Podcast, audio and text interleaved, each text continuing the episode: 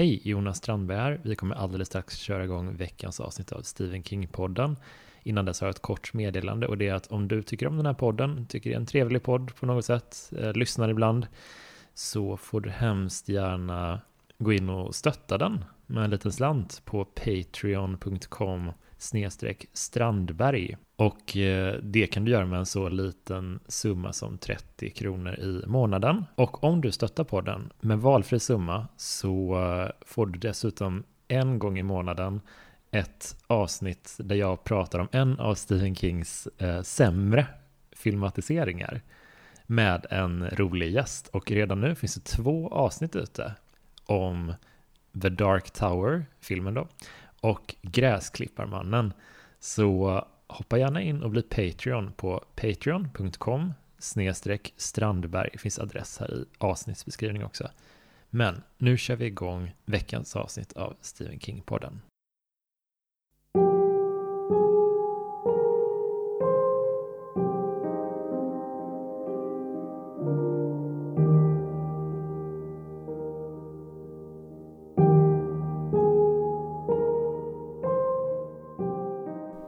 Välkomna till Stephen King-podden med mig Jonas Strandberg där jag varje vecka bjuder in en gäst och pratar om en av Stephen Kings väldigt, väldigt många berättelser.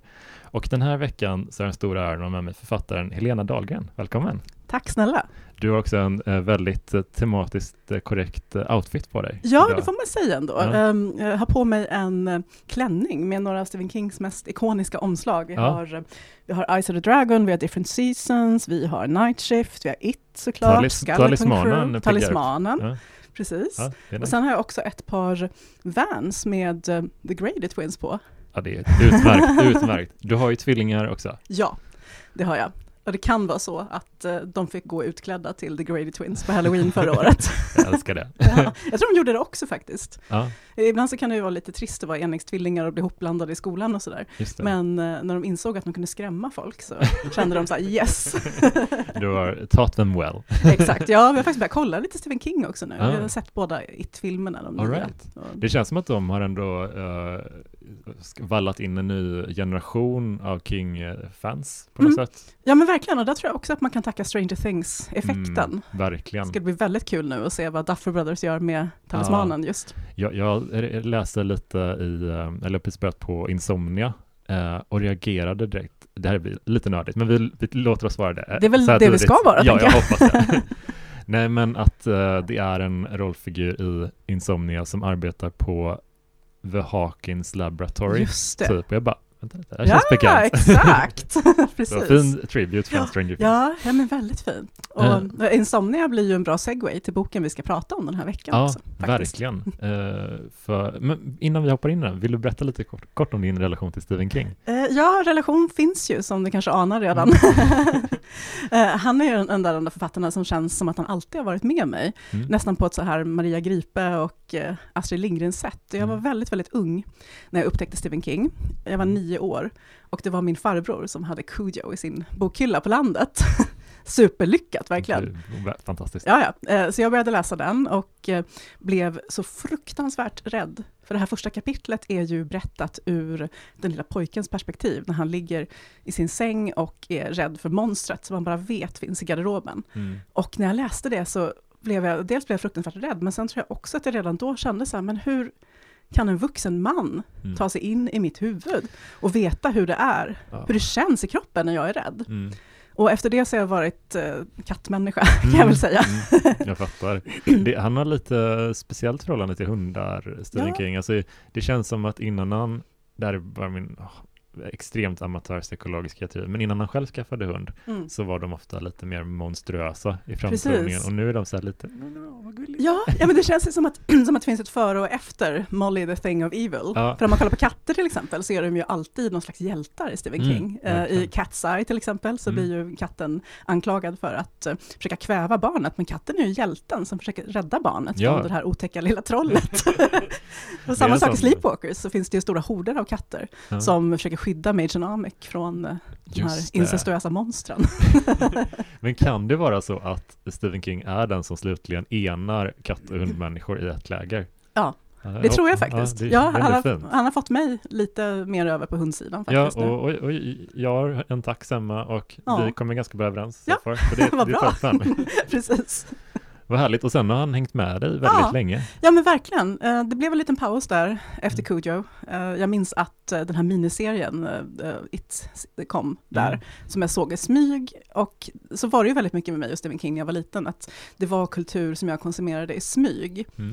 lite när de vuxna tittade bort. Och det tror jag är ganska viktig ingång för mig, för jag var en så här otroligt duktig och skötsam liten flicka.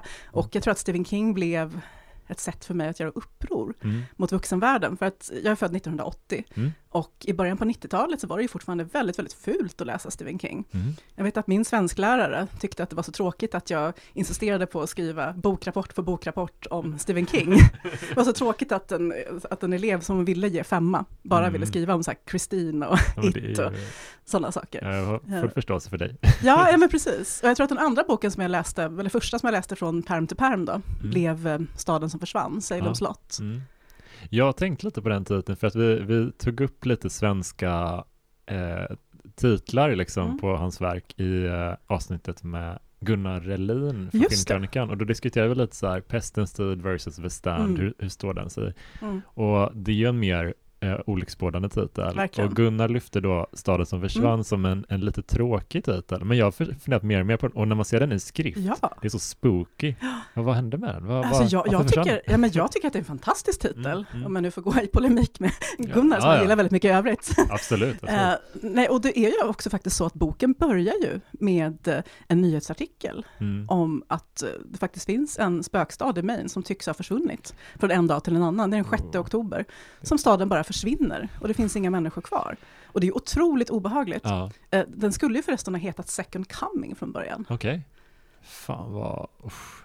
Det är, jag, jag, jag tänkte lite på hans städer så här. Du, du är precis rätt person känner jag och, och dyka ner lite kort i dem för att eh, om man kollar på typ Castle Rock, Mm. Derry ehm, och eh, ja men Salem slott liksom, Mm. eller ja, Jerusalem slott. Det, det känns som att Jerusalem slott är nästan 100% en, en negativ plats. Alltså Ja. det finns liksom, det är bara en Exakt. spök. Det är, Derry är Mm. ändå lite, folk bor där, folk Precis. lever sina liv på ett annat Exakt. sätt. Och, Ja, och det är inte alla som märker det heller. Eh, Den boken som vi ska tala om idag Mm. utspelar sig i Derry. mm, Och där finns ju ingenting av den här nästan kosmiska ondskan som Mm. finns till exempel i It och kan anas lite Mm. i Dreamcatcher till exempel. mm, Men sen kom jag på varför, och det är för att Bag of Bones som vi ska prata om snart, mm, den utspelar ju sig i början på 90-talet. Mm. Och då har ju The Losers Club precis besegrat ondskan. just Och det. ondskan är cyklisk, den kommer Ja. inte tillbaka förrän 27 år senare. Ja.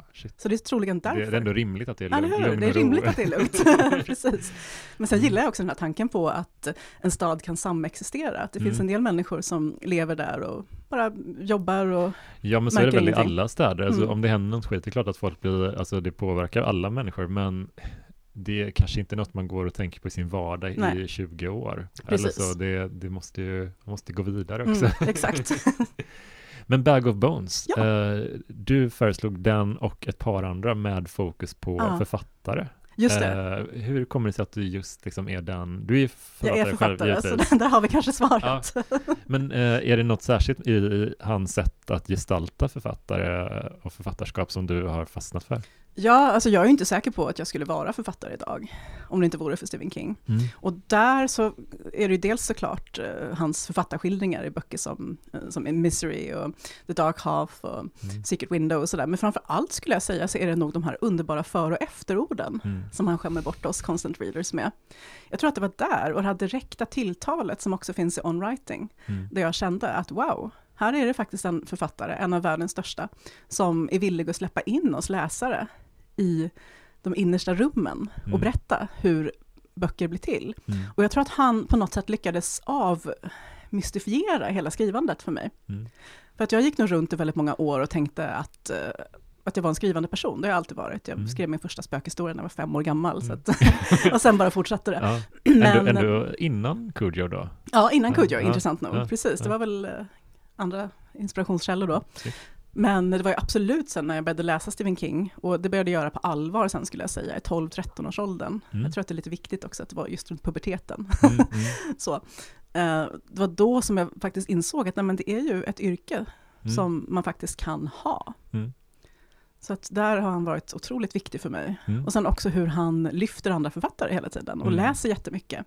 Det var han som fick mig att börja läsa Gillian Flynn till exempel, som har Mhm. skrivit Gone Girl eh, redan med hennes första bok, Mm. Sharp Object. Sen var blurbad av King. Ja. Jag brukar gå in ibland, på English Bookshop på Söder och se Mm. ifall det finns någon bok med Stephen King blurb och så plockar jag upp den dem. ja, men den ska vi ha. Vi- Så att egentligen så är det nog faktiskt mer Stephen King-personen Mm. än Stephen King-författaren som Mm. har inspirerat mig där. Men om Mm. man ska tala författarskildringar så tycker jag att Bag of Bones är den Mm. absolut bästa. Jag skulle säga att det är en av hans mest litterära romaner på flera plan. Mm. Dels för att den är, det är nästan som en grundkurs i engelsk litteraturhistoria, filtrerat genom en ganska sorgsen spökhistoria. Den har kallats Mm. för Haunted Love Story. Ja, Och det tycker jag stämmer ganska bra. verkligen. Men framför allt så är den så otroligt rolig i Mm. alla de här väldigt inkännande detaljerna kring hur det är att skriva. Och, och så gillar jag att han är lite petty också sådär. Den här boken, ska, ska vi säga någonting om när den kom till och sådär? Ja, absolut. Eh, jo men den, den släpptes 1998, Mm. dagen efter Kings 51 födelsedag, så han var mitt inne i medelåldern där. Mm. Det tror jag också är viktigt för berättelsen är stort. Eh, och det var första boken också med eh, ett nytt förlag. Mm. Han blev ganska osams med Viking, som Okej. han hade varit med ända sedan Carrie kom. Vad var det Och som hände? Alltså det ryktas om att det var så här, att en av de största förläggarna på Viking tog in Tom Clancy, Mm. som på den tiden fick förskott som låg på runt 20 miljoner dollar, Mm. vilket är helt orimligt. Eh, Och Stephen King började känna sig, känna sig bortglömd. Jag tror han sa till och med i en intervju att jag börjar känna mig som hemmafrun som bara går hemma helt ouppskattad. Mm. Så då lät han sin agent eh, hälsa till andra förlag helt enkelt, att eh, Stephen King letar efter nytt förlag och han tar eh, offers över 18 miljoner. Mm. Han vågar inte gå över Tom Clancy, Nej. som då var den tidens största. Det är ändå fint att tänka sig att han har känt sig underlägsen. Eller Tom hur? Clancy också. Ja, just Tom Clancy tycker jag är jätteroligt. Men den här boken handlar ju då om eh, Mike Noonan, Mm. som själv kallar sig för VC Andrews with a prick. Just det. lite, eh, lite jämförelse där, tror jag, med det som Stephen King själv har sagt om att han är eh, litteraturens motsvarighet till Big Mac Company. Mm. Och King har ju också sagt, intressant nog, att Mike Noonan nog är den karaktär som ligger närmast honom Mm. av alla han har skrivit. Mm. Och det är ju väldigt roligt, och såklart, vit medelålders man som bor i Maine, Mm. försörjer sig som författare, väldigt Mm. framgångsrik, Ja, ja, har en hustru som är direkt avgörande för Mm. skrivprocessen. verkligen. Eh, vi- Vill du sammanfatta plotten typ, bara för den här som man kan med som... Absolut, ska inte du göra det kanske? Jag kan göra det. Ja, jag tänker att jag bara Eh, babblar på. Nej, jag, jag älskar, jag är helt så här. Ehm, men eh, vi följer då Mike Noonan som du berättar, som eh, vars fru har eh, dött liksom för ett, fyra år sedan. Fyra år sedan. Och eh, han har drabbats av en akut eh, skrivkramp, en fysisk skrivkramp, vilket är intressant tycker jag för att Stephen King själv har ju varit inne på att det, det är inte en grej, Mm. typ, som jag har förstått hans liksom. Mm. Eh, men eh, varje gång Mike försöker sätta sig och skriva någonting så är det som att han får panikångestattacker och det är rent fysiskt sådär. Men han har lyckats parera den här skrivkrampen mot sin eh, förläggare genom att ha bunkrat upp böcker, alltså romaner, under flera års tid. Så han har haft liksom alltid en varje år som han inte har skickat vidare till förlaget, typ. Som han, han kan liksom skjuta det här Mm. problemet framför sig. Och det börjar bli mer och mer eh, svårt för att de, de tar slut, böckerna. Mm. Ja, och så eh, är det lite spöken också. Ja, lite spöken.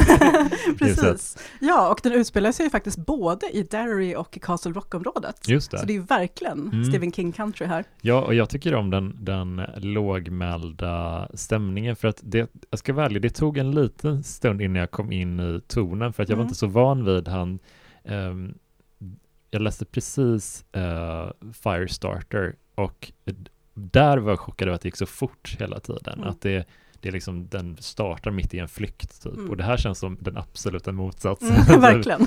Eh, Och det är lite skönt kan jag tycka för att Mm. det, man får sitta mer och, och landa i världen och man känner hans ensamhet och saknad väldigt mycket. Mm. Så.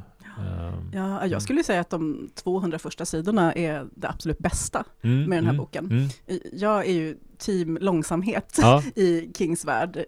Jag tyckte till exempel att det var helt underbart i institutet, där en av huvudpersonerna bara satt i några kapitel eh, på någon sunkig stol och tittade på godståg som åkte förbi och läste igenom sig någon gammal dussindeckarförfattares hela katalog. Lite grann som när McNoonan åker på semester till Key Largo här. just det. Det får ju ta nästan ett kapitel i anspråk, och det tycker Ja. jag är helt underbart. Han Ja. bara sitter där och läser John D. MacDonald, som för övrigt skrev förordet till eh, Night Shift. Fan vad snyggt. Väldigt kul Ja. tycker jag. Så att, ja, men jag älskar den här boken. Det Mm. är ingen spoiler, det är inte en perfekt bok, inte på något sätt. Vi Mm. kan komma in på Mm. de bitarna jag gillar mindre sen. Mm. Men det jag verkligen gillar är att man verkligen får möta läsaren Stephen King här, Mm. och inte bara författaren. Just det. det, det är faktiskt väldigt fint för att det upplever jag inte att man gör jätte... I, alltså i On Writing så går jag in på att han, han, han är en väldigt läsande person och sådär. Men det jag tycker är, vad ska man säga, Ehm, Mike, i och med att han inte kan skriva eh, för tillfället så får jag lite intrycket, han blir en sån rättshaverist lite Mm. grann. Ja, lite så. Och för att han, han börjar liksom, det finns mycket konflikter i den här staden mellan de olika invånarna Mm. och, och sådär, som blir en rätt central bit Mm. av, av plotten sen. Och den får jag känslan av att hade han varit eh, i ett, liksom sitt vanliga sunda jag, typ, eh, Mm. skriv, skrivit på och sådär, då hade han kanske inte haft Nej, tid att Då engagera sig inte där. brytt sig. Eller hur? Precis. Men nu när han är så himla, ja men lite uttråkad Mm. och har in, inte så mycket på gång, då är det bara, ja men, det är Mm. klart att jag ska ta den här striden. Ja, ja, precis. Ja, för det blir ju nästan lite så legal drama Ja. efter ett tag. Egentligen så är det ju två, tre olika böcker i en. Ja, det, det är dels den här sörja sin Ja. bortgångna fru, eh, det är dels en spökhistoria och dels det här eh, väldigt engagerande Mm. legal drama tycker jag. Det är väldigt kul för att jag tror det är i, i förordet till den versionen jag läste så, så berättar han att han fick hjälp av en advokat Mm, just kring just de här vårdnadsfrågorna, Mm. eh, frågorna, hur det funkar. Mm. Och eh, advokaten gjorde det på villkor att ja, men om du ger en, gör en schysst advokat, i, om du slänger in en sån i boken och han bara, Ja. jag har gjort mitt bästa. Ja, ja, men han är ju verkligen underbar, mm, den advokaten. verkligen. Honom gillar man jättemycket. Ja, Men visst känns det också lite grann som att Stephen King absolut hade kunnat hamna själv här, om Mm. han eh, fick skrivkramp eller kanske var mellan böcker och sådär, för han har ju ett enormt rättspatos. ja, Han vittnade nu bara senast veckan i den här eh, rättegången, eller ifall det bara är en hearing kanske, eh, inför att man ska merga ihop två av de största förlagen Just i det. USA. mm, Eh, och han, är, han och många andra författare är oroliga över att det kommer påverka ja, konkurrensen och förskott och sådana saker. Och det är himla schysst av honom, för att han kommer ju inte påverkas negativt av det. Men däremot Nej. tror jag att om han går i bräschen för andra författare så kommer ju personer lyssna. ja, verkligen. Och så är det lite här också, Ja, att eh, Mike inser att eh, han faktiskt kan hjälpa den här unga ensamstående tjejen. Sen finns det väldigt mycket som är problematiskt Ja. i deras relation också. Sen. nej men jag tror också eh, en, en grej som slog mig var att det, det, det ger en sån inblick i, i Kings psyke typ att eh, om, om, han, om man som han eh, i stort sett all, hävdar, hävdar att han aldrig upplever skrivkramp. Alltså jag baserar det mest på on writing Mm. nu liksom. Att han tycker man ska bara skriva, sätta sig och skriva varje dag så, Ja. så går, det inträffar aldrig. Mm. Ingen inspiration, man ska bara köra på typ. Mm. Men om, om det då ändå drabbar en, då har man liksom inte byggt upp en, en tolerans mot det Mm. över tid, typ att man är van, ah, ja, det, är- det är en sån dry spell nu bara, det Exakt. går över, jag kommer, Mm. kommer tillbaka. Då blir man ju panikslagen Mm. om man inte är immun mot det, Ja. typ, som en sjukdom liksom. Ja men precis, ja, men som författare är det obehagligt att läsa Mm. den här boken. Mm. faktiskt. Jag började fundera när jag, när jag läste den om inte jag också borde göra som, som Mike Noonan och faktiskt också Stephen King gör. Mm. Att man har några manus för byrålådan som man kan slänga ut i världen Mm. om man skulle drabbas av, skriv, av skrivkramp. Att det bara bunkrar. Ja, exakt. Ja. Eh, Stephen Kings eh, kändaste sånt manus är ju Djurkyrkogården. Mm. Vet inte om du känner till den historien? Nej, jag tror inte det. Eh, Han eh, skrev den tidigt 80-tal tror jag, när han och Tabitha var småbarnsföräldrar. Mm. Och i vanlig ordning så fick hon läsa den först, hon är hans första läsare. Mm. Och eh, hon läste den och sa att Steve, det här är en helt fantastisk bok, men du kan inte ge ut den. Mm. Hon tyckte det var så fruktansvärt jobbigt att Mm. läsa om Gage och allting kring Mm. barnadödlighet och sådär. Det, det kom för nära helt enkelt. Ja. Så han lovade henne att inte ge ut den. Och la undan den i flera år. Tills han till sist inte kunde låta bli. Ja, något måste jag. Ja, ja men precis. Och jag tror att världen är väl ganska tacksamma idag. Men jag förstår ju Ja. Tabithas perspektiv Ja. också som eh, Den mamma. minns jag som att eh, när vi pratade om den i podden så eh, att den kändes så, så himla, man fick ont i magen Ja. av den och, och ännu mer om, som jag minns så var det inget efterord i den. Nej, den slutar bara att han har skrivit den i Lovell, Maine, Ah, fram till 1984, någonting sånt. fixa- Liksom. Va? Kan du, ska, du inte ens, ska du inte ens debriefa oss? Och det är så fruktansvärt slut också. Ja, ja. Får kalla kåren bara jag tänker på Ja, det, den här handen på axeln. hemskt. Usch. Vidrigt. Ja, ja, nej men just det här med eh, byrålådsförfattare är ju väldigt Mm, roligt. mm. Eh, För det har ju Stephen King skrivit om i några av sina efterord också. Ja. En sån som också låg i byrålådan jättelänge var den här Blaze, Mm. som kom ut som Richard Bachman Just det. Någon gång i mitten på 00-talet vill jag nästan säga, Mm. slutet på 90-talet kanske. Jag minns den från när den alltså, flög Ja. ut i hyllorna liksom. Precis, ja, och den skrev han alltså precis efter Carrie. Ah, Då skrev han två manuskript, precis som Okej. Mike Noonan. Ja. Han skrev Salem's Lot som blev utgivet, Mm. och han skrev Blaze, jaha. som sen fick ligga och götta till sig Shit. några decennier. så det är också så här roligt, eh, om man kan sin Stephen King, så kan man sitta och nästan skrocka Mm. när man läser om Mike Noonan och tänka, jajamän. Ja. Mike träffar Joe när de läser engelska på universitetet. Mm. Steve träffade Tabitha när de Mm. läste engelska på universitetet. Mm. Det finns ju otroligt många Mm. likheter. Mm. Det tycker jag är ganska modigt av honom. Gud, verkligen. Och lägga sig så nära sig själv. Och jag tror att man kan nog inte tala om Bag of Bones utan att också nämna Lises Story. För för mig så är de precis. verkligen tvillingböcker, eller hur? Exakt så. Mm. Eh, och det, det, var, det känns som att han har funderat, de ligger flera år mellan varandra också, Mm. men det känns som att det är så mycket dödsfunderingar Verkligen. hos honom. Vad kommer hända när jag eller Mm, hon, alltså, mm. Jo men verkligen så. Och jag tror att uh, Bag of Bones är ju hans sätt att på något sätt närma sig det faktum att Tabitha kan dö. mm, Eh, men sen när han var med om den här olyckan så blev han ju såklart lite besatt Mm. av sin egen dödlighet. Mm. Han var ju jättedålig liksom. ja, Jag såg ju honom, jag träffade honom med den vändan oj, några år efteråt. Okej. När han uh, gjorde reklam för just Lises Story mm. i England. Oh. Och till och med då vet jag att jag kände att oj, vad smal han är, vad ynklig han ser ut. Och Mm. han verkar liksom inte helt med. Och det visade sig sen han skrev ett annat efterord. Att just under den turnén så Mm. slutade han med otroligt starka smärtstillande mediciner som han hade tagit Ja. i, all, i alla år efter den här olyckan. Det här Ja. var liksom sju år efteråt. Ja. Så att det hände ju Gud, någonting där med honom. Ja, fan, man är så, Ja. så orolig för honom. Ja, jag vet. Man är ju det. Ja, och när jag läste om den här nu, det var väl kanske typ sjätte gången jag läste om den faktiskt. Eh, Det är en väldigt välläst utgåva kan vi Mm. Det säga är här också. Ja. Eh, Då tänkte jag på det att, men herregud, vad händer om Tabitha dör före Steven? Kommer han kunna Mm. Ja. skriva då? Jag är inte säker på det. Nej, det, det känns som att det, det skulle vara den det, som bara stänger liksom flödet på något sätt. Mm. Ja, antingen det, eller att han bara kastas in i skrivandet. Och bara begraver sig Ja. i det. Mm. Det är liksom 50-50 där. Men hur tycker du hur tycker du den här Bag of Bones står sig som eh, författarskildring jämfört med flera, han har ju skrivit flera andra Mm. sådär. Eh, hur, hur tycker du den förhåller sig till dem? jag, jag tycker att den nästan är där uppe med Lida faktiskt, Mm. när det gäller författarskildringar. Mm. Just för att det är så, det är så otroligt inkännande och det, finns, det är så snyggt också hur han väver in alla de här litterära referenserna. Till exempel Mm. ett verk som han återkommer till hela tiden, så här tematiskt i boken, är Rebecca av Mm. Daphne du Maurier. En jättefin gotisk kärlekshistoria, kärlekshistoria som Mm. utkom typ 39 tror jag, och som Hitchcock har gjort Ja, film av också. Jag hörde den nämnas lite, Ja. i, men, eh, och jag, också, men jag har inte läst den. Hur känner du att det är liksom, märker man Ja. parallellerna? Ja men då? verkligen. Mm. Eh, Dels så använder den här, han använder den här parafra, parafrasen från eh, Rebecca. Last night I dreamt that I went to Mandalay again. Mm, mm, Eh, och i synnerhet när han återkommer till, när han återvänder till Sarah Laughs, Mm. som det här sommarstället heter, som ligger utanför Castle Rock, så får man verkligen Rebecca-vibbar i de här drömmarna. Det är som att platsen blir en karaktär som hemsöker honom. Och så är det verkligen i Rebecca. Mm. Och sen finns det andra detaljer också som är väldigt lika. mm, Till exempel så handlar Rebecca om eh, att stå i skuggan av en död hustru. mm, Fast eh, i det fallet så är det den andra hustrun som är namnlös genom hela berättelsen okej. som berättar. Det är Mm. inte maken. Mm, Men det är en väldigt tydlig tematik där. mm, Och eh, ja men om vi ska bara spoila lite light, så det här graviditetsspåret som finns lite Mm. grann i Bag of Bones, det finns i Rebecca också. Okej. För det visar sig att Rebecca var gravid när hon dog. Mm, Och Oj. eh, Mike hittar ju ett graviditetstest mm, i eh, påsen mm. som ligger bredvid Joe när hon dör, knallfall i Mm. en stroke.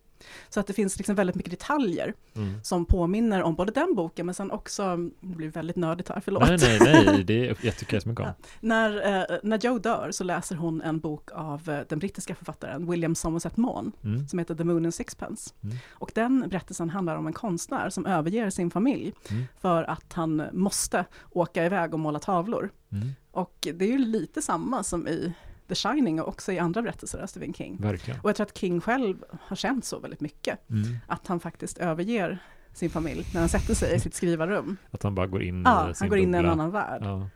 Så att det är, just därför tycker jag att den står sig jättebra, för att det är det här dubbla perspektivet hela tiden. Att ja, man får, man får veta jättemycket om Mike Noonan som författare. Mm. Det finns jättemånga roliga små blinkningar där till hur det kunde se ut för bestsellerlistorna i Mm. mitten på 90-talet. Det är det roligaste, Eller hur? jag. Att han, att han känner ändå, ja men du kanske känner igen mitt namn från ehm, de listorna, ja, om du prenumererar på en tidning som går till nummer 15 eller så. Det är, Och det tyckte jag var så himla kul, för när min senaste bok eh, debuterade på Svensk Bokhandels lista så kom den på plats 24 och jag var Ja. asglad. Och min Ja. agent bara, men det är en jättebra ja, Det är en jättebra siffra. Mm. Men så kände jag att ja, eh, men en del kommer ju bara se den översta, översta 5-10 där det kanske. så du kan identifiera dig Verkligen. Mike. Ja, eh, sen så tycker jag i och för sig att Mike känns mer framgångsrik än vad han själv säger att han är. Mm. Han säger ju att han är på Mary Higgins Clark-nivå. Mm. Men jag känner att han nästan är uppe på John Grisham och nosar Mm. så. Mm. För det är någon gång när, de, när han nämner hur mycket pengar han har, att han inte behöver skriva eller jobba mer en dag i sitt liv om han behöver. Just han har det. två fina hus och Ja. donerar mycket pengar. Och så tänker jag att nej, men jag tror att du faktiskt tjänar mer än Mary Higgins Clark. Ja men det, det känns också som att han, eh, eh, han pratar mycket med sin författare, eller med sin förläggare Mm. om att, eh, ja men så här, jag kanske, jag funderar på att ta en liten paus nu Mm. och, och förläggaren är så här, du, i den, på den nivå du är nu så kan du inte göra det. Du, din, din publik är vana vid att få en Mm. roman om året, typ. Just det. Och det tycker jag är jätteintressant att få Ja. den inblicken i hur, hur de tänker, hur spelet eh, mellan förläggare och författare Precis. ser ut. Hur, hur, hur känner du? Känner du igen mycket av Alltså den? jag känner igen jättemycket. Eh, Och jag tror att, att vi som eh, skriver kommersiella böcker Mm. faktiskt på många sätt har det svårare Mm. än de så kallade finförfattarna, om vi ska göra den uppdelningen. Mm. För att eh, läsarna förväntar sig minst en bok om året. Mm. Och nu när folk konsumerar på ljud så går det ju ännu snabbare ändå. Ja. Och jag, jag skriver ju eh, barnböcker Mm. eh, baserade på det här eh, online-spelet Star Stable. Mm. Ödesryttarna heter de böckerna. Och mina läsare, de läser ju klart en bok på tre timmar, och sen kan de DMa mig, bara, när kommer nästa? Och sitter man så här, bara, okej, jag skriver tre kapitel. Jag skyndar mig så fort jag kan. ja, precis. Eh, Så, så jag kände igen mig jättemycket. Ja. Just i det här att, nej men, du kan inte ta ledigt, för att dina läsare förväntar sig Mm. en till två böcker per år. Ja. Och sen så, absolut, det är klart att det är lyxigt att kunna leva på sitt författarskap och så vidare, Mm. obviously, och inte behöva vara eh, beroende av en massa stipendier och sådär. Det såg vi med kulturprofilen, hur, Mm, hur mm. bra det kan gå liksom. Eh, så att det är klart att, jag ska inte säga att det är, att det är jobbigt Mm. att skriva kommersiellt, men eh, just det här med att man aldrig får slappna av, Mm. det kände jag igen mig jättemycket. Ja. Så jag har faktiskt börjat fundera på nu om jag inte ska skriva någon liten extra bok, Ja, så jag kan unna mig lite extra semester ibland. Ja, ja men eller hur. Nej, så jag tycker att det är en jättefin författarskildring. Mm. Och det tangerar ju också väldigt mycket av det som finns i de andra författarskildringarna. Mm. Det här var, var någonstans går gränsen mellan sund besatthet och överdriven besatthet. Mm. Och eh, just när litteraturen tar över ens liv, sådana saker. Just det. Som vi har läst om både i Lida och i eh, The Dark Half också. Just det, för just eh, det partiet, ja, men vi, vi kan känna, jag känner lite att vi behöver ha fria tyglar och Gud, liksom få spoila lite nu, Ja, ja. så att om man inte har läst den här boken så tycker jag verkligen man borde göra det. Mm. Eh, det är en väldigt fin, låg, lågmäld Mm. liksom, spökhistoria och sådär, men om man står ut med spoilers så kan man hänga med ändå, Mm. men nu kommer vi börja spoila lite. Yes. Men jag tänker på den, det partiet när, eh, det är ju ganska tidigt i och för sig, Mm. men när eh, Joe börjar, eller det börjar spöka, Just de här kylskåpsmagneterna Ja, som skickar subtila budskap Mm. typ. Och det känner jag liksom är så mycket re- resultat av en man som har gått rätt mycket i sitt eget huvud Ja. typ. Och det är lite som som i vissa, just The Shining, att det känns också mycket som en alkoholist som Ja. får en psykos typ, på många sätt. Eh, Ja, och det känns också väldigt signifikativt på något sätt att eh, Joe spökar genom ord. Mm. Verkligen. När det är orden som inte längre kan komma till honom. verkligen. Och han försöker ju också skriva på olika sätt. mm. Det visar ju sig sen efter ungefär halva boken att han kan skriva när han inte längre skriver på sin ordbehandlare. Mm. Där det, det. är just den här fysiska platsen Ja. där han skrev när Mm. Joe levde, som bokstavligt talat spökade också. Mm. ja, verkligen. Ja. Nej men The Shining är absolut också en Ja. författarskildring som man ska nämna här. Jag tycker det finns så mycket intressant i, för, för den här rättstvisten som vi var inne på tidigare, den rör ju att han, han blir vittne till eh, hur en eh, ung flicka springer över vägen och Mm. han liksom fångar upp henne Mm. och eh, eh, Så kommer mamman körande 180 efteråt. Ja, Mm. och, och då visar det sig att det är någon typ av eh, den rikaste gubben i stan, Mm. eh, eh, det är hans barnbarn Just det. då och han tycker att eh, mamman ska fråntas vårdnaden Mm. Och sätter väldigt mycket press på Mike då att Mm. han ska, hur mycket vet du, vad såg du och Mm. sådär. Vad tycker du om den, den tredje delen, om man ska säga av boken? Jo men jag tycker att den börjar väldigt lovande i alla fall. Mm, mm, Eh, Det är otroligt effektivt det där med den lilla flickan som bara kommer tultande på Mm. vägen. Och då fick jag så här, även ifall den här boken är skriven innan, mm, så tänkte jag på King själv, mm, när han gick där i vägrenen. Han Mm. gick ju och läste, vet du mm. det? Alltså när han blir, När han blev, han blev påkörd Oj. 1999. Åh. Han gick och läste en bok som heter The House av Ja. Bentley Little, okej, eh, när han blev påkörd av den här halvgalna Brian Smith. Ja, jag vet. Jag gjorde det när jag var liten, men han borde ju veta bättre. Mm, Liksom. mm, Ja, nej, men även ifall det är helt fel anakronistiskt och sådär, så tänkte jag på det. ja, Att det fick lite så här is i hjärtat på något sätt. ja. Eh, sen så tycker jag ju att det är lite problematiskt det här att Matti är så himla ung och så himla söt. Mm. Och att Mike nästan på en gång börjar ha en massa sexdrömmar om henne. Det, det skulle jag jättegärna vilja Mm. lyfta lite också för att det har lyfts kanske två gånger tidigare tror jag i podden hur han gestaltar kvinnor. Ja. Eller hur, hur, hur hans manliga karaktär ser Mm. på kvinnor mer för att Just jag det. tycker att han kan göra fantastiska kvinnoporträtt. Gud ja, Dolores Men- Claiborne till Ja, exempel är ett av de bästa kvinnoporträtten verkligen. någonsin. Och Lizzie Ja, också Verkligen. såklart. Men, Mm. men det är någonting i hur han målar upp eh, ja, men, kvin, kvinnliga karaktärers kroppar. Ja, Liksom, ja, men det är när vi kommer in på väldigt målande. sexualiteten. Ja, exakt. Det är då han förtjänar alla de här Bad Sex Awards som han har blivit ja, nominerad ja, till. men precis, och det känner jag lite. Men en grej som, som jag tycker stack ut jättemycket i den här boken Mm. var eh, huvudpersonens ansvarskänsla. Ja, För det känner jag att en yngre King kanske inte Nej. hade lika mycket av att Precis. man ska göra rätt för sig Ja. och det är viktigt och Ja. man ska göra, ja, följa Ja. sitt hjärta typ. verkligen. Ja, för här, han, han kämpar ju verkligen. Mm. mot, och, och det är också tycker jag ganska snyggt hur eh, de här drömsekvenserna Mm. eh, på något sätt gifter ihop eh, hans döda hustru Joe med Matty. Mm. Och eh, där är han faktiskt ganska, eh, ska nog säga att de större delarna av Bug och Bones sexskildringar är ganska bra, i synnerhet de som tar avstamp i sorgen Ja. och den här desperata längtan Mm. efter sin döda hustru. Mm. Han hittar ett par trosor i soffan och Mm. bryter ihop, sådär. det tycker jag är väldigt fint. Ja. Men sen när Matty kommer in och det görs en poäng av att hon har på sig korta shorts och sådana Mm. saker, så satt jag först och suckade. Mm. Men sen så tar han ju faktiskt ansvar, som du säger. Och sen så kommer det ju en ganska, om vi ska spoila igen, det är en Mm. ganska stor spoiler, så ni kan ju sluta lyssna om ni inte har läst hela Bag of Bones nu. Mm.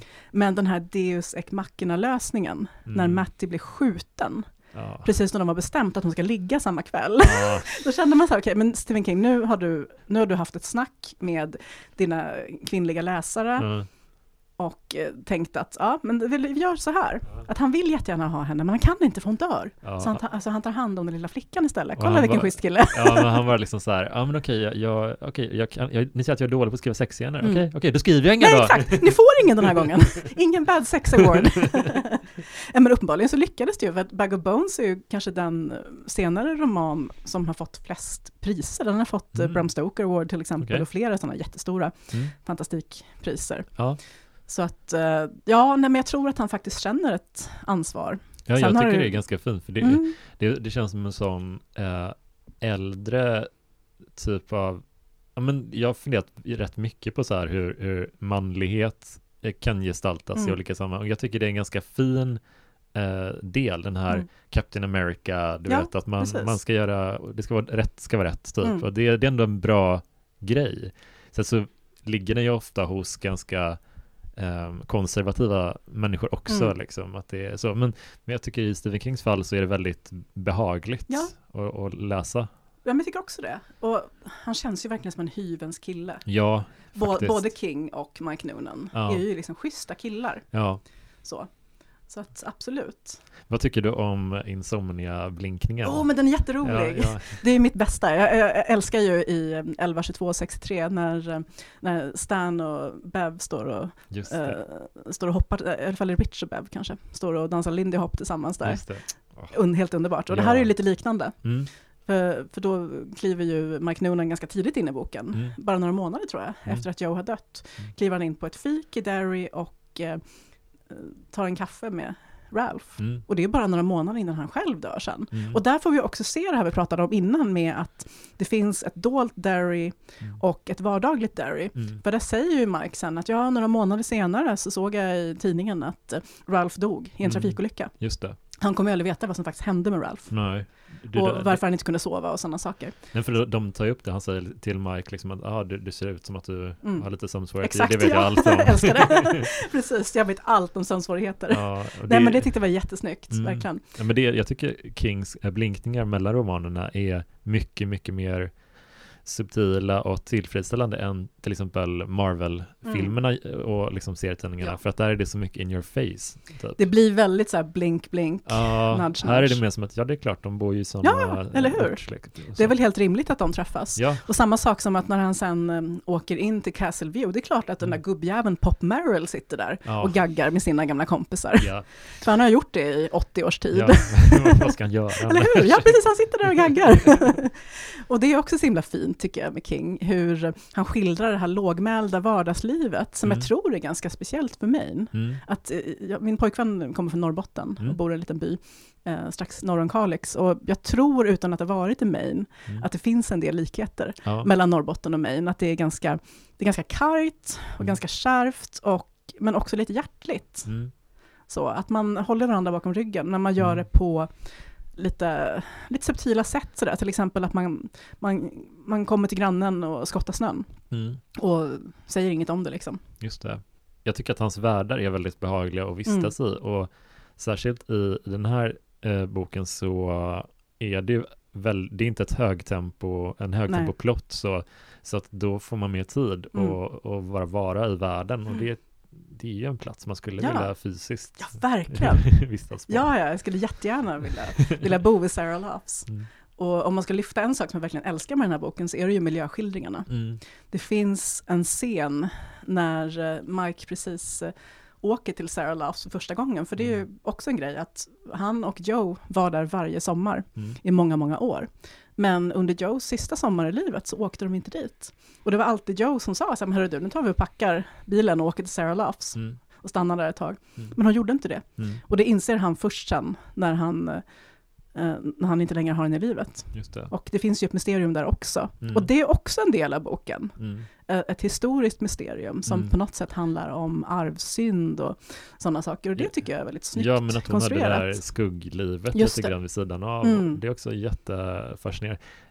Om det är en sak jag reagerar på var att jag upplevde inte att den var särskilt läskig. Nej. Eh, Det, det, är, det är mer att det är ja, men sorglig. Precis, det det är en sorglig spökhistoria, a Aha. haunted love story. Ja, ja. Återigen, det som jag tycker är riktigt läskigt, Mm. det är ju Max DeVore och eh, den här otäcka Rogette. ja, ja, Det finns, du vet den här scenen eh, när, eh, när Mike badar, just det. och de här två gamla, oerhört skröpliga, magra människorna står och kastar sten på honom och skrattar och Ja. hoppar så här muntert. ja, ja, det, tycker jag är ja, fruktansvärt Ja, obehagligt. det är ångestladdat. Ja, Det är också hur, hur, den, hur när han, Max, när han prejar liksom eh, Mike med Mm. rullstolen eller Mm, vad, vad det just det.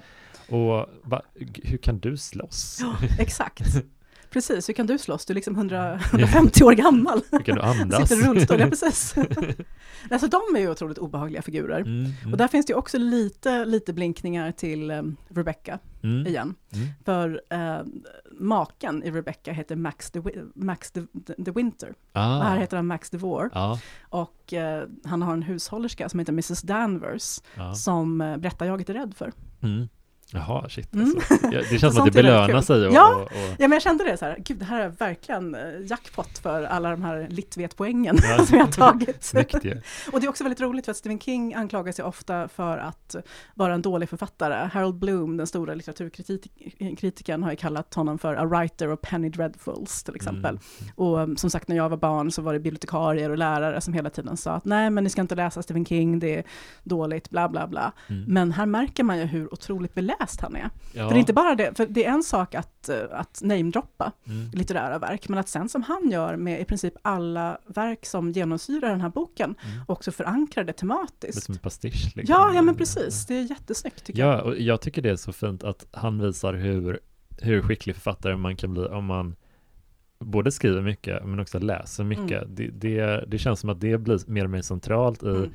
jag läste nyligen eh, Revival Ja, just det. och eh, Den gillade jag jättemycket. Ja, ja men verkligen. Och där finns det ju så mycket men, Mary Shelley och Mm. Lovecraft och det, Shirley det, Jackson, han tackar Ja, väl till och med dem allihopa. Verkligen, det är Så så, sådana tydliga liksom och han visar, okej, jag tycker jättemycket om, här är min Mm. version av en Exakt. Mary Shelley liksom. Det är väldigt vackert. Mm, det är jättefint, tycker jag. Och det känns som att det inte är begränsat till genre heller, för att det finns så här, ja men han tycker om gamla sagor, han Mm. tycker om Mark Twain, alltså den gamla amerikanska berättarstilen. Exakt. Det finns så mycket. Ja, ja men verkligen. Och, eh, titeln här, Bag of Bones, Mm. eh, kommer ju från den brittiska författaren Thomas Hardy, Mm. som lär ha sagt att till och med den mest välskrivna litterära gestalt Mm. är inte mer än ett, än ett benrangel Mm. jämfört med människor av kött och blod. Mm. Så att det är mycket engelsk litteraturhistoria också, de här gamla viktorianerna och sådär. Han är ju Mm. otroligt beläst. Ja, Och jag tycker att han, nu blir det verkligen så här Stephen King-helgonpodden här, men jag tycker, bra. jag tycker att han är liksom ett jäkla helgon som eh, står ut med så himla mycket spott och spe. Mm. Eh, han har ju tagit det verkligen med jämnmod, Mm. det här att bli kallad för a writer of Penny Dreadfuls, vilket i och för sig är coolt, för Penny Mm. Dreadfuls var ju de här små följetongsberättelserna som publicerades i tidningar, Mm. ofta, eh, under viktorianska eran. Mm. Och en av de som gjorde det var ju Charles Dickens. Mm. Och numera kallas Stephen King för vår tids Charles Dickens. Så Just there you go, Ja. Harold Bloom. Full cirkel. In your face. Men jag tycker att de som, de som tvivlar på Stephen Kings litterära förmågor, tycker jag ska läsa den här boken, för den är så, jag tycker att tonen är så otroligt vacker Mm. och stämningsfull.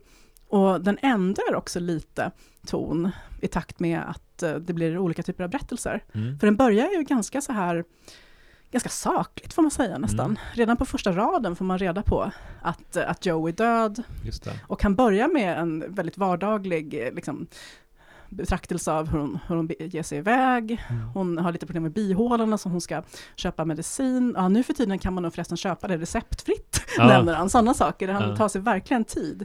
verkligen. Innan, och sen sticker man identifierar våra döda här i Derry. Och då får man Mm. nästan gåshud. Ja, ja. Det är så otroligt Uff. snyggt. Det, det, det känns också som någonting när man har kommit över den initiala chocken Mm. över att någon nära en har dött. Alltså att man blir väldigt praktisk då, att man Ja. tänker mycket på praktiska detaljer och sådana Mm. grejer. Det, det känns också väldigt, väldigt trovärdigt. Ja, verkligen. Det, jag tycker det, det man har, om man har sin om det finns en förklaring till att han är bra på att skilja missbruk i Mm. det att han själv har en historia av det. Mm. Men då undrar jag lite, vad, hur kommer, varifrån kommer förmågan att skildra sorg på det här sättet? För han har gjort det många gånger på ett Ja. väldigt, väldigt trovärdigt sätt.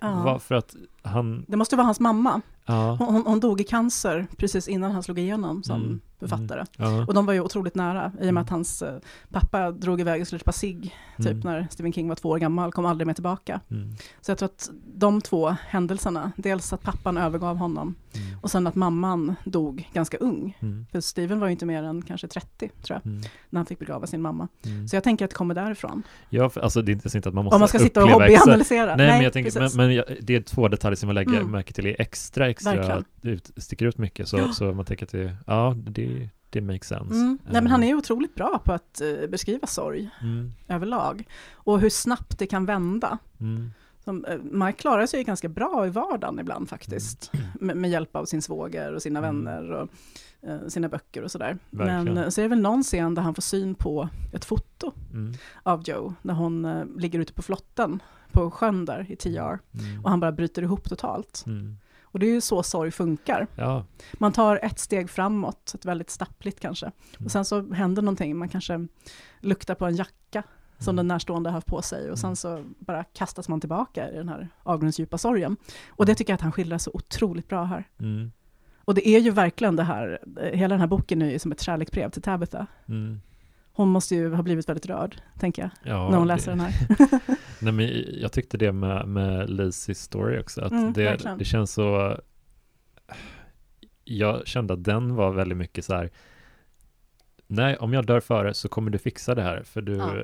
här är anledningarna Mm. varför, för att du är så Precis. här. Eh, Det Ja. känns väldigt, eh, all, alltså allt utom namnen är, känns Ja. så väldigt mycket till henne. Ja, ja men verkligen. Och här också, här säger han ju nästan att, men vet du vad, jag kommer inte klara mig så bra Mm, om du dör före mig. mm, Jag kommer inte kunna skriva en rad mer. mm. Jag kommer vara ett vrak liksom. och han var ju ganska ung när han skrev den här, relativt sett. Han var 50 tror jag. Mm. Men det är väl kanske någonstans där, där man verkligen på allvar börjar fundera över sin och sin partners dödlighet, kan jag tänka Mm. mig. Jag har några år kvar, vi får se Mm. vad som händer då. Ja, jag förstår. Alltså, om du vill nämna några andra så här favoritförfattarskildringar genom Kings liksom, eh, historia, vad, har du några så här? Mm, nej, men det är ju Paul Sheldon såklart. Han är, han är där uppe. Lida. Han är, Mm. han är allra högst upp, Ja, skulle jag säga. ja. Det är ett sånt fantastiskt kammarspel, Mm, hela den berättelsen. mm, Jag tycker den är så otroligt snyggt uppbyggd också. Att, eh, att det blir kortare och kortare meningar och kapitel, Mm. ju mer neddekad han blir mm, av Annie Wilkes så kallade omsorger där. mm, Jag har själv skrivit en roman som heter Skarp, som kom Mm. i våras, som handlar om en eh, ganska misslyckad litteraturvetare som får ett vistelsestipendium upp till sin döda favoritförfattares gård i Norrbotten. mm. Eh, Och så när hon kommer upp dit så kommer hon igång med sin avhandling, äntligen, Mm. efter flera år av inte kunna ha gjort det. Mm. Men eh, sen så kastas hon rakt in i ett mysterium kring Och den är faktiskt beställd. Den är- Åh, vad roligt! Ja, vad Det- kul! Jag, Ja. jag såg bara, läste beskrivningen. Åh, vad roligt! Ja, jag tror du kommer gilla den. Om du ja. gillar Lida så kommer du gilla den. Det, det är inte en renodlad skräckroman, absolut Mm. inte. Mm. Eh, Det är kanske snarare en spänningsroman. Mm. Men där finns det, utan att spoila för mycket, en ganska direkt stilistisk hyllning Åh, till det som Stephen King gör i Lida. Fan vad fint. Ja, men man måste ju nörda lite. Ja. jag sa till min redaktör att jag vill ha en Stephen King-kursivering. Mm. Hon sa, vad fan är en Stephen King-kursivering? Mm. Då sa nej men du vet, det är när, när man är inne i en karaktärs tankar och så helt plötsligt så, så bryts raden och så kommer en kursivering som ibland också kan vara inom en parentes. Ja. Och sen efter det så fortsätter bara flödet. Mm. Och hon sa, okej, jag har lite OCD, jag blir helt tokig av det här, men det är din bok, du får göra det här. Så därför har Skarp en så kallad Stephen King-kursivering. Snyggt. ja, det är verkligen så här, det är nörderier på så himla hög nivå. Men det Mm. gör han ju här också. Ja. Och jag tycker han också, om man ska nämna en till sak om Bag of Bones, så tycker jag att vissa säger att det är så tråkigt att höra om folks drömmar. Mm. Men jag tycker att han beskriver Mikes drömmar så otroligt bra och Mm. suggestivt här. Mm. Just när han närmar sig Sarah Laughs och han hör den här bluesmusiken Mm. och ser de här kulörta lamporna som lyser upp den eh, blanka svarta sjön. Ja. Man ser det så otroligt tydligt framför sig och det är så suggestivt och det är så stämningsfullt. Mm. Och just därför är det ju väldigt tråkigt att miniserien blev så himla, himla dålig. Den blev det? Ja, jag har inte tyvärr. sett den. Nej, Jag såg den faktiskt nu för första gången i somras. Ja. Eh, Jag var tvungen att... um, Är det den med Pierce Brosnan? Det är den med Pierce Brosnan. Och bara där kan jag känna att det är lite fel casting kanske. Mm. Den går ju bara att se på YouTube tyvärr. Ja. Eh, Det var enda sättet, men det var inte så himla stor förlust, Nej. helt ärligt. Nej, men de har gjort så många konstiga val där. Mm. Till exempel så bor de inte längre i, i eh, Derry, utan de bor i New York. Men, Och Joe dör inte av en stroke, utan hon blir påkörd av en buss, medan Mike sitter och har en signering på en bokhandel och ser henne liksom genom fönstret. Men, men, det är ju också, alltså arma, arma Mick Garris. Ja. Han borde ju få någon slags medalj för att han Mm. har filmatiserat så himla många Stephen King-böcker. Men han gör ju det aldrig bra. Det blir ju alltid, stackarn, alltså bless his little heart for trying. Men Varför det blir ju så så otroligt chanser? Jag fattar inte det, jag vet inte. Men Stephen King verkar gilla honom, för att Ja. det är han som har gjort eh, eh, Stephen King-versionen av The Shining, Mm. som jag tycker är helt bedrövlig. Mm. Ja, ja. Det är ju så, det, det är någonting med effekterna. ja det, är, den är så tråkig också. ja, det, det är just om man, om man jämför Shining-boken där, liksom att det, allt får ta sin tid, det byggs Precis. upp mycket, man, man kan ändå empatisera Mm. med Jack också. Ja, exakt, typ, och det, känns, nej jag tycker inte alls om den. Stephen King-versionen. Men... eh, Mm, alltså det är ju tyvärr då han som har regisserat Bag of Bones. Så det blir ju den här, det blir som ett så C-filmsfilter Ja. som bara smackas på så Gud, fort som Mick Garris är inblandad. Och det är Mm. tråkigt för att han har ju verkligen filmat jättemånga Stephen King-berättelser. Ja. Och den enda som jag tycker är lite rolig ändå är ju eh, Sleepwalkers, som Ja. Stephen King skrev originalmanus till, Ja. med uh, Machen Amick från Twin Peaks. För den är ju så himla knäpp och out there. Mm. Lite på samma sätt som, vad heter den, Creepshow? Den Just är ju det. också helt jävla galen. Mm. Så där passar hans Ja, ja, men precis. Den estetiken kan ju passa bättre där. Mm. Men Bag of Bones är ju som du säger en lågmäld kärlekshistoria, kamouflerad som spökhistoria. Mm. Och en berättelse om skapande och litteratur och sådär. Och jag tror att det kanske hade gjort sig bättre som en så här lågmäld HBO-serie. Mm. För jag tycker att Lizzie Story blev ju bra. Ja, den funkar faktiskt väldigt Mm. bra. Det känns som att de har fått ett annat självförtroende nu för tiden. Mm. Och, och, för Bag of Bones har ju, den är inte så gammal, men den har några år ändå på Mm. sig. Det känns som att det kom Det en annan våg Mm. liksom när liksom Netflix började köpa Ja. upp de här novellerna, liksom och göra film av dem och sådär. Mm. Men, men jag tycker det, det fina med den här är att eh, vad, vad avsand, hur av, mycket avsändaren påverkar eh, Mm. en, en, ens läsande. För att i och med att jag tycker så mycket om Stephen King, jag vet att han är väldigt Ja. bra, så, så okej, jag är inte så van vid det här lugnare Nej. tempot, men jag har förtroende för att du Mm. kommer ta det i hamn. Exakt. Det, det tycker jag är, det, det, det kanske, jag säger inte att en helt oprövad författare inte skulle kunna Nej. göra det där, men det, det känns som någonting han har råd att Mm. göra med nu när han visat, ja, ja, jag kommer, ja, I got this. Typ. Ja, ja, men verkligen. Det här var ju hans eh, 34 roman eller någonting Mm. sånt, så han var ju verkligen ingen novis. Nej. Eh, Det här är väl kanske lite Stephen King vid halvlek Mm. på något sätt. Mm. Och i och med att det var en av de allra sista stora romanerna han skrev innan olyckan, så Mm. är det ju någon slags vändpunkt där.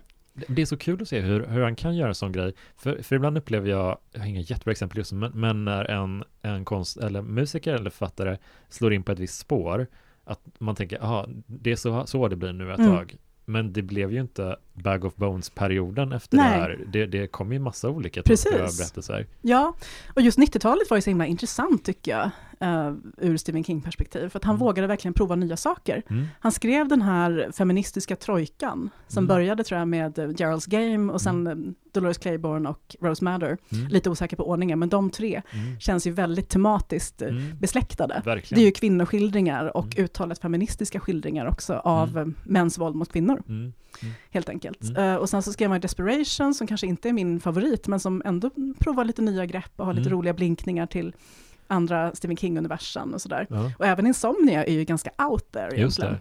Och också ganska långsam. Ja, det, Faktiskt. jag tycker rätt, rätt mycket om den att eh, jag förstod inte för jag såg inte när den var utgiven först, men Mm. att det är en liten, liten spoiler Insomnia, men att det är första gången som The Crimson King nämns, alltså innan Dark Tower. Exakt. Det, jag hur kan du Ja. plantera den centrala skurken Ja. där? Exakt. Ja, nej, men det är så snyggt det där tycker jag. Ja, och det påverkar inte heller, alltså Nej. man reagerar inte på att Dark Tower-versionen av Crimson. King saknar en, så jag tycker bara, ja, Nej, precis. Det är bara en snygg plantering. ja verkligen. Helt enkelt. Så att, eh, men, men det var också faktiskt en tid då Stephen King inte sålde lika bra längre. Mm. Och det tror jag också är en ganska viktig ingång för att förstå Bag of Bones Mm. som verk. Mm. Att Stephen King just då faktiskt kände sig ganska ouppskattad Mm. som författare. Mm. Tom Clancy hade liksom kommit och eh, kastat ner honom från tronen på sitt eh, förlag då, som han har varit trogen i, i många, många decennier. Och eh, han började få lite skit för sina kvinnoskildringar när han Mm. precis hade skrivit liksom, de starkaste tre Mm, mm. under hela sitt författarskap, skulle jag säga i alla fall.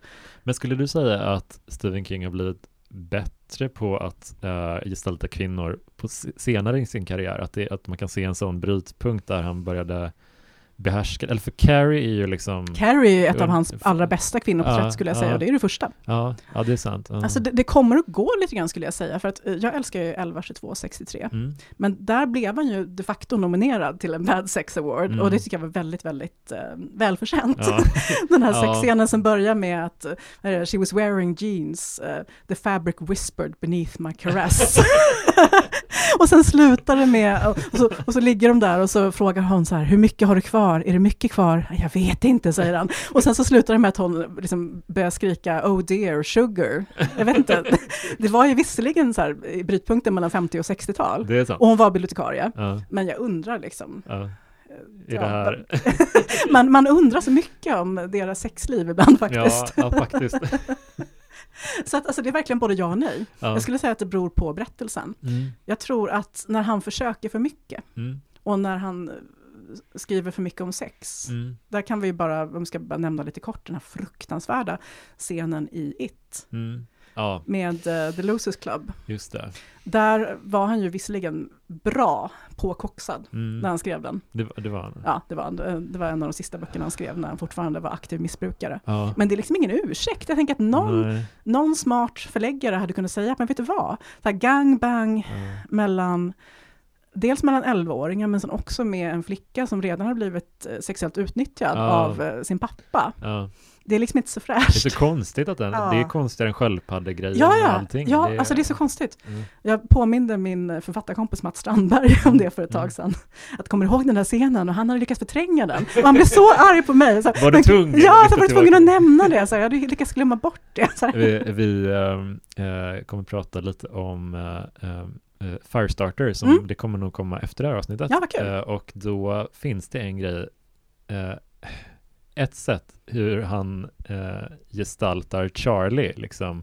Och det, det är mycket hur hon eh, klär av sig och det, det är liksom en konstig, en konstig blick Mm. på henne som jag inte riktigt känner mig så här bekväm med. Hur, barn, liksom. Ja, det, det är Mm. lite märkligt, så jag undrar om, kommer den också under en konstig Ja, precis. Ja, det, är, det är lite weird. Ja. Eh, Ja, men det är ju ofta det faktiskt. Men, Mm. men han har ju absolut tagit till sig, tror jag, mm, av kritiken. Och sen Mm. så är det ju också så att Tabitha är en av hans första mm, läsare. Mm. Men det är väl också så, och det tycker jag är lite skönt med Stephen King, mm. att han är inte en perfekt författare. Nej. Det som han gör bra gör han helt fantastiskt. Mm. Och där skulle jag, skulle jag nämna till exempel skildring av missbruk, utsatthet, Mm, mm, eh, barns utsatthet till Mm. exempel gör han helt fantastiskt. mm, Och just att vara ensam och utsatt och rädd, mm. där finns det ju ingen som kan slå honom på fingrarna tycker jag. Nej. Och sen också det här eh, men, eh, författandet som räddning men också som potentiell förgörelse. Ja. Också skitbra liksom. Mm. Miljöbeskrivningar, småstadsliv, Mm. klasskildringar, top notch allting. Ja.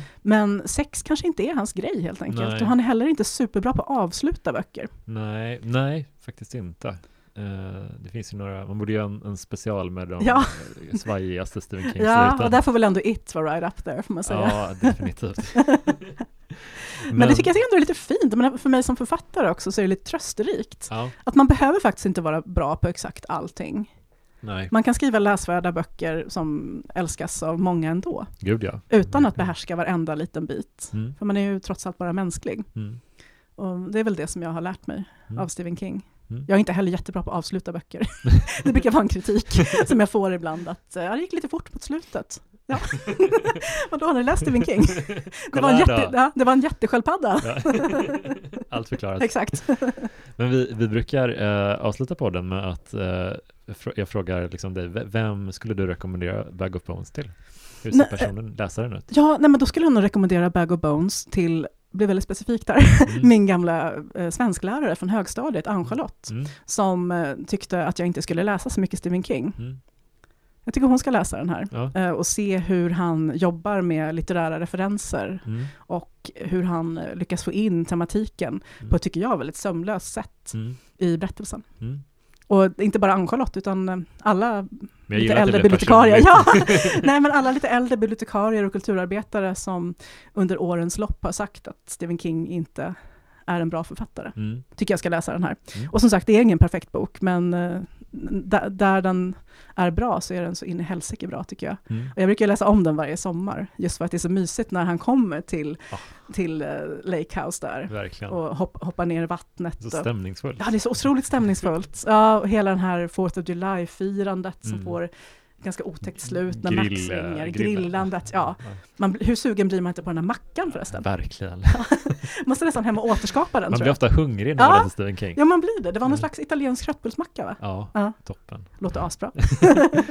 Men det, det var fantastiskt kul att få snacka Stephen King med dig och det, det var jättekul om du ville komma tillbaka någon gång och, och Självklart. Ja, det det vore var- jättekul. ja. Jag har gud vad kul. Var, var kan man följa dig någonstans? Var Man kan följa mig på Instagram till Mm. exempel. Och Mm. där heter jag Helena Dahlgren helt enkelt. Mm.